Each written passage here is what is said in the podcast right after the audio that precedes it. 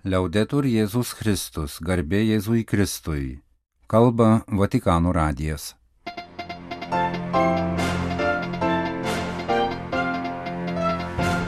Malonus klausytojai šioje penktadienio spalio 13 programoje. Sinodo asamblėjos naujienos bažnyčia gražiausia ta, kurios durys atvertos ir kur yra vietos visiems. Kardinolo Parolino interviu Vatikano radijoje Šventasis sostas smerkia Hamas ataką ir ragina daryti visą, kas įmanoma, kad būtų išvengta naujų žūčių. Kyjive ir Kopenhagoje pamaldos už žuvusi Danų paramediką. Popiežiaus Šventojo Pauliaus VI kanonizavimo metinės. Penktadienį Sinodo asamblėje įžengė į trečiąją darbų fazę po atidarimo ir darbinio dokumento Instrumentum Laboris pirmosios dalies temos spinduliuojanti bendrystė aptarimo. Ateinančiomis dienomis Sinodo tėvai ir motinos kviečiami apmastyti grupėse ir asamblėjoje pasidalyti išvalgomis Instrumentum Laboris antrosios dalies tema - bendra atsakomybė misijoje kaip dalytis tarnystės Evangelijai dovanomis ir užduotimis. Penktadienio rytą prieš aštuntosios generalinės kongregacijos pradžią Sinodo tėvai ir motinos dalyvavo mišiose Šventojo Petro bazilikoje, kurioms vadovavo kardinolas Fridolinas Ambongo, Kinšasos arkivyskupas, pagrindinis asamblėjos pranešėjas kardinolas Žonas Klodas Holerichas, asamblėjos aštuntosios generalinės kongregacijos dalyviams, dalyvaujant popiežiui Pranciškui, pristatė temą. Sinodo tėvai ir motinos prates diskusijas darbo grupėse.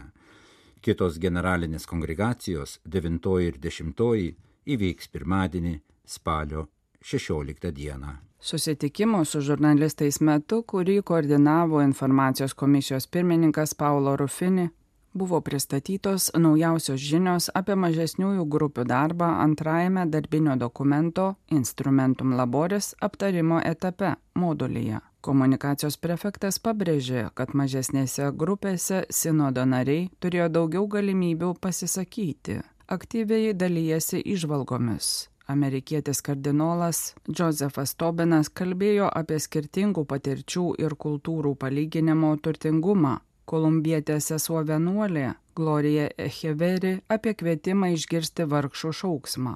Tikrasis katalikų bažnyčios grožis išriškėja, kai jos duris yra atviros ir joje laukiami žmonės. Tikimės, kad sinodas padės mums į jas dar labiau atverti. Taip kardinolas Josefas Viljamas Tobinas, Niuarko naujojo Džersio arkivyskupas, apibūdino antrojo instrumentum laboris modulio temą spinduliuojanti bendrystė, kaip galime būti dar visapusiškiau vienybės su Dievu ir žmonijos vienybės ženklas ir įrankis, kalbėdamas susitikime su žurnalistais, kuriam vadovavo informacijos komisijos pirmininkas Paulo Rufini, komunikacijos dikasterijos prefektas. Susitikime su žurnalistais dalyvavo ir sesuo Glorija Lilijana Franko Ekeveri, Marijos Dievo motinos brolyjos vienuolė iš Kolumbijos, Latino Amerikos vienuolių konfederacijos pirmininkė sinodinio proceso liudininkė. Vienuolė iš Kolumbijos pabrėžė, kad 16-osios eilinės viskupų sinodo visuotinės asamblėjos dalyviai trokšta gyventi kaip Jėzus, kuris humanizuoja, kuris suteikia orumą, kuris įtraukia, kuris atveria duris kitiems. Procese, kuris mato kitokį metodą, pradedant nuo atsivertimo dvasioje, Savo mažesnėse grupėse mes pripažįstame būtent šį bendrą orumą, kylantį iš pagarbos bendrystės abipusio pripažinimo. Mūsų širdise skamba raginimas išgirsti vargšų šauksmą. Vargšų veidas, migracija, prekyba žmonėmis, socialinė atskirtis priemešiuose. Šios temos skambėjo prie mūsų stalo, kalbėjo sesuo Echeveri. Tai pačiai grupiai priklausantis amerikiečių kardinolas džiaugiasi galimybę dalintis mintimis su labai skirtingų patirčių kultūrų žmonėmis. Jis pats užaugo daugia kultūrinėje aplinkoje Detroite, o kaip kunigas 45 metus gyveno kultūrose, kurios buvo kitokios nei ta, kur užaugo jis. Kardinolas sinode dalyvauja septintą kartą ir šį sinodą apibūdina kaip įvairiausią. Kardinolas Tobenas taip pat pasidalijo konkrečia pastoracinę patirtimi apie Niujorko katedroje priimtą piligriminę grupę žmonių, kurie jautė atskirti dėl savo lytinės orientacijos. Pasak jo, tai buvo atviros bažnyčios patirtis, bažnyčios, kaip kad jo viskupija, kuriai rūpi pasiekti visus tuos, kurie katalikų bažnyčioje nesijaučia kaip namuose. Kardinolas Tobinas apibendrino, kad pasaulyje, kuriam būdingas fundamentalistinis nacionalizmas, ksenofobija, kuriame yra lyderių pasiryžusių statyti sienas, Bažnyčios pasirinkimas yra brolystė sinodiškumas, kurie leidžia mums suprasti, kad visi esame broliai ir seserys. Bažnyčioje, kurioje žiūrime vienas į kitą kaip į brolius ir seseris, yra vietos visiems. Teroristinis išpolis, kurį praėjusią šeštadienį įvykdė Hamas ir kitos grupuotės prieš tūkstančius izraeliečių ketinusių švęsti Simchat Torah dieną užbaigiančią šventinę Sukoto savaitę yra nežmogiškas. Šventasis sostas išreiškia visišką ir griežtą jo pasmerkimą. Be to nerimaujame dėl vyrų, moterų, vaikų ir pagyvenusių žmonių, kurie laikomi įkaitais gazoje. Spalio 13 dieną Vatican News paskelbtame interviu tvirtina kardinolas Pietro Parulinas, popiežiaus valstybės sekretorius. Išreiškėme užuojautą nukentėjusiųjų šeimoms, kurių didžioji dauguma yra žydai, meldžiamės už juos vis dar esančių šoko būklėje, už sužeistuosius. Būtina atgauti racionalumo jausmą, atsisakyti aklos neapykantos logikos ir atmesti smurtą kaip išeiti. Užpultieji turi teisę gintis, tačiau savigina turi atitikti proporcingumo principą. Nežinau, kokios yra Izraelio ir Hamas grupuotės dialogo galimybės, bet jie yra, tikėkime, kad yra Jis turėtų būti pradėtas nedelsant ir nedvėjojant. Taip išvengsime dar didesnio kraujo praleimo, kaip tai vyksta Gazoje, kur po Izraelio kariuomenės atakų yra daug nekaltų civilių gyventojų aukų, tęsė kardinolas Pietro Parulinas. Popiežius Pranciškus kartoja, kad taika grindžiama teisingumu. Taika egzistuoja tik tada, jei teisinga kokius teisingumo reikalavimus šiandien išreiškia konflikto pusės, klausia Vatikanius. Taika gali būti statoma tik ant teisingumo. Lutynai mėgo sakyti opus justitie pax, bet teisingumo tarp žmonių nėra ir taikos. Man atrodo, kad didžiausias įmanomas teisingumas šventojoje žemėje būtų dviejų valstybių sprendimas, kuris leistų palestiniečiams ir žydams gyventi vieniems šalia kitų taikoje ir saugume, užtikrinant daugumos jų lūkesčius. Šis sprendimas numatytas tarptautinės bendruomenės pastaruoju metu kai kam abiejose pusėse atrodo nebeįgyvendinamas. Kitiems jis niekada ir nebuvo įmanomas. Šventasis sostas įsitikinęs priešingai ir toliau remia tokį sprendimą. Tačiau kas yra teisinga dabartiniu metu? Teisinga nedelsiant gražinti įkaitus, net ir tuos, kuriuos Hamas laiko nuo ankstesnių konfliktų. Šiame kontekste atnaujino ryštingą kreipimąsi, kurį pastarosiomis dienomis paskelbė ir pakartojo šventasis tėvas Pranciškus. Taip pat teisinga, kad teisėta Izraelio savigina nekeltų pavojaus gazos rože gyvenantiems palestiniečių civiliams.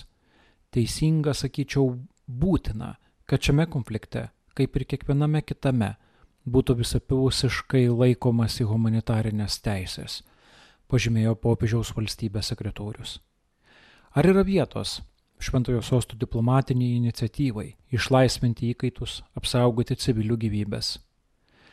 Taip žydų įkaitų išlaisvinimas ir nekaltų gazos ruožo žmonių gyvybių apsauga yra problemos, kurie susikūrė po Hamas išpolio ir Izraelio kariuomenės atsako į jį širdis.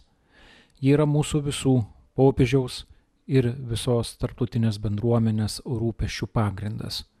Šventasis sostas, kaip visada, yra pasirengęs bet kokiam būtinam tarpininkavimui, Tuo tarpu jis siekia kalbėti su tais, kurių komunikacijos kanalai jau yra atviri, konstatavo popiežiaus pranciškaus bendradarbis. Kokia mažos gazos katalikų bendruomenės padėtis, kaip jiems padėti? Pirmiausia, malda dvasiniu bei materialiniu artumu. Šiais žodžiais noriu iš naujo paliūdyti popiežiaus ir šventojo sosto, meilų artumą jiems. Krikščionis yra esminė žemės, kurioje gimė, gyveno, mirė ir prisikėlė Jėzus dalis. Niekas negali įsivaizduoti Palestinos ar Izraelio be krikščionių buvimo, kurie ten nuo krikščionybės pradžios ir visada bus.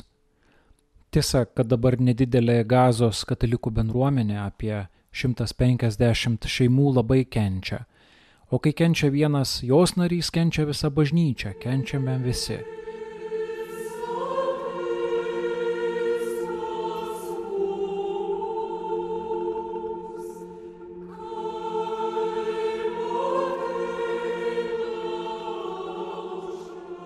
Spalio 11 dieną Ukrainos fronte prie Bakhmuto žuvo Danų paramedikas savanoris Oskaras Aleksandris Koksvikas Johansonas.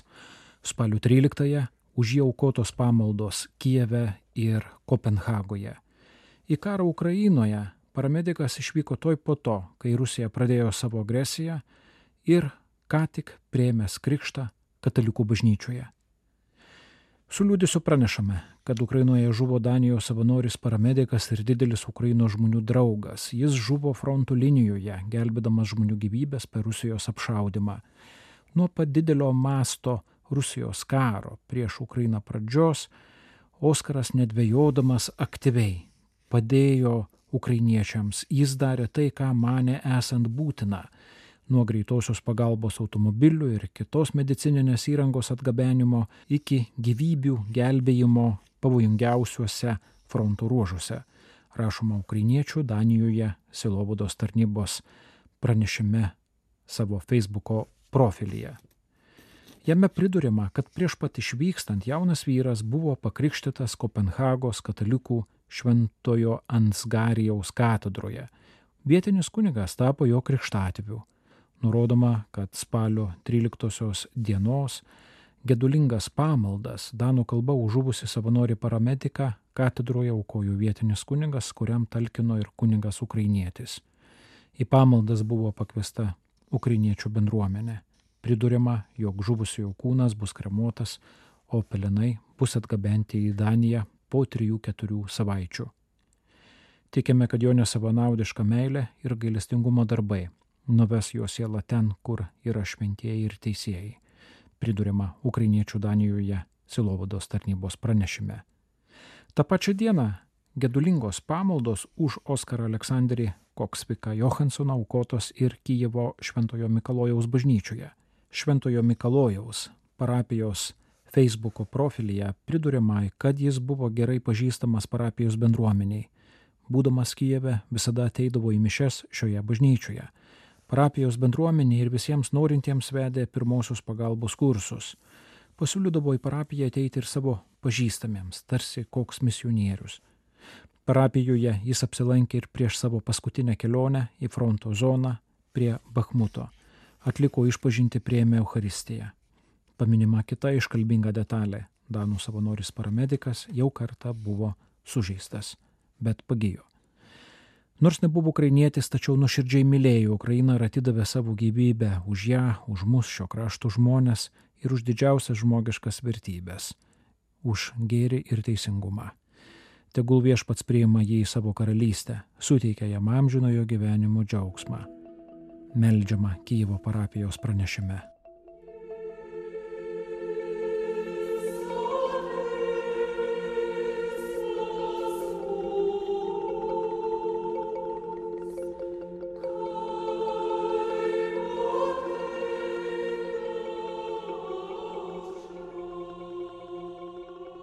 Lygiai prieš penkerius metus, spalio 14-ąją, Romoje vykstant jaunimo sinodui, Paulius VI visuotinės bažnyčios ganytojas nuo 1963 iki 1978 metų paskelbtas bažnyčios šventuoju. Po penkerių metų nuo kanonizavimo ir 45 metų nuo mirties.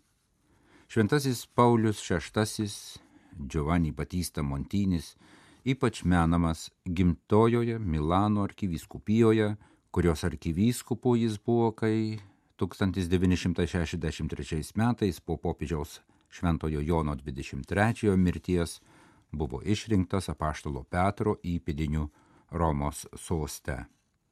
Milanas padėjo arkivyskupui Montiniui suprasti, kas yra gyva bažnyčia, ją pamilti ir pasirengti popiežystai, sako dabartinis Milano ganytojas Mario Delpiniai, atvykęs iš Romos po ilgametės tarnavimo patirties bažnytinių institucijų viršūnėse, Giovanni Batista Montinis Milane pradėjo lankyti gyventojus jų parapijose ir darbo vietose. Ir anot kardinolo Johanneso Villebranco, Montiniui artimo hierarcho, būdamas Milane, jis suprato anksčiau ir greičiau už kitus vyskupus, kad Italijoje daugiau nebėra organiškos katalikiškos visuomenės.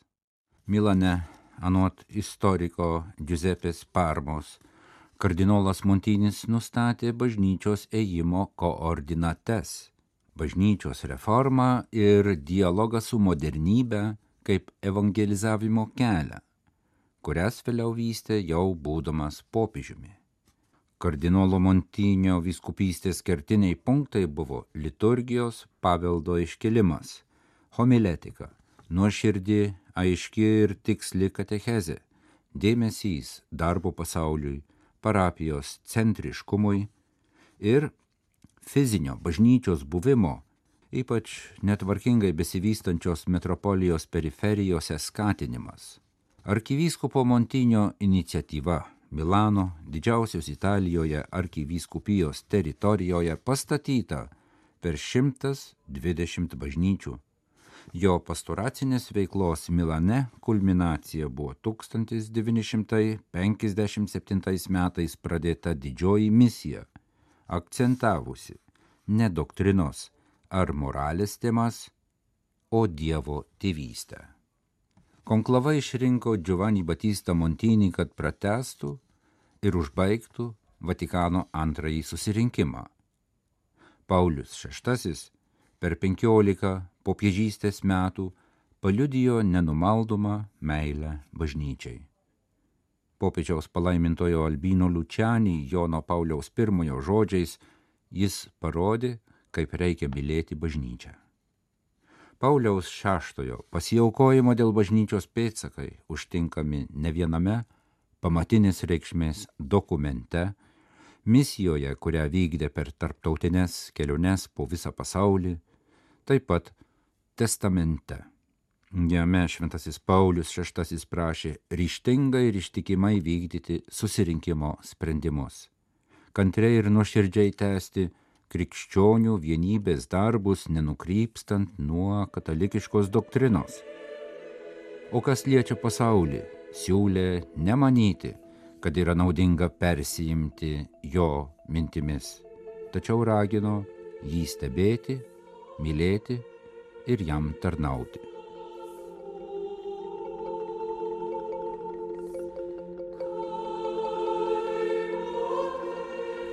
Kalba Vatikano radijas laidą lietuvių kalba. Baigėme garbėjai Kristui, liaudetur Jėzus Kristus.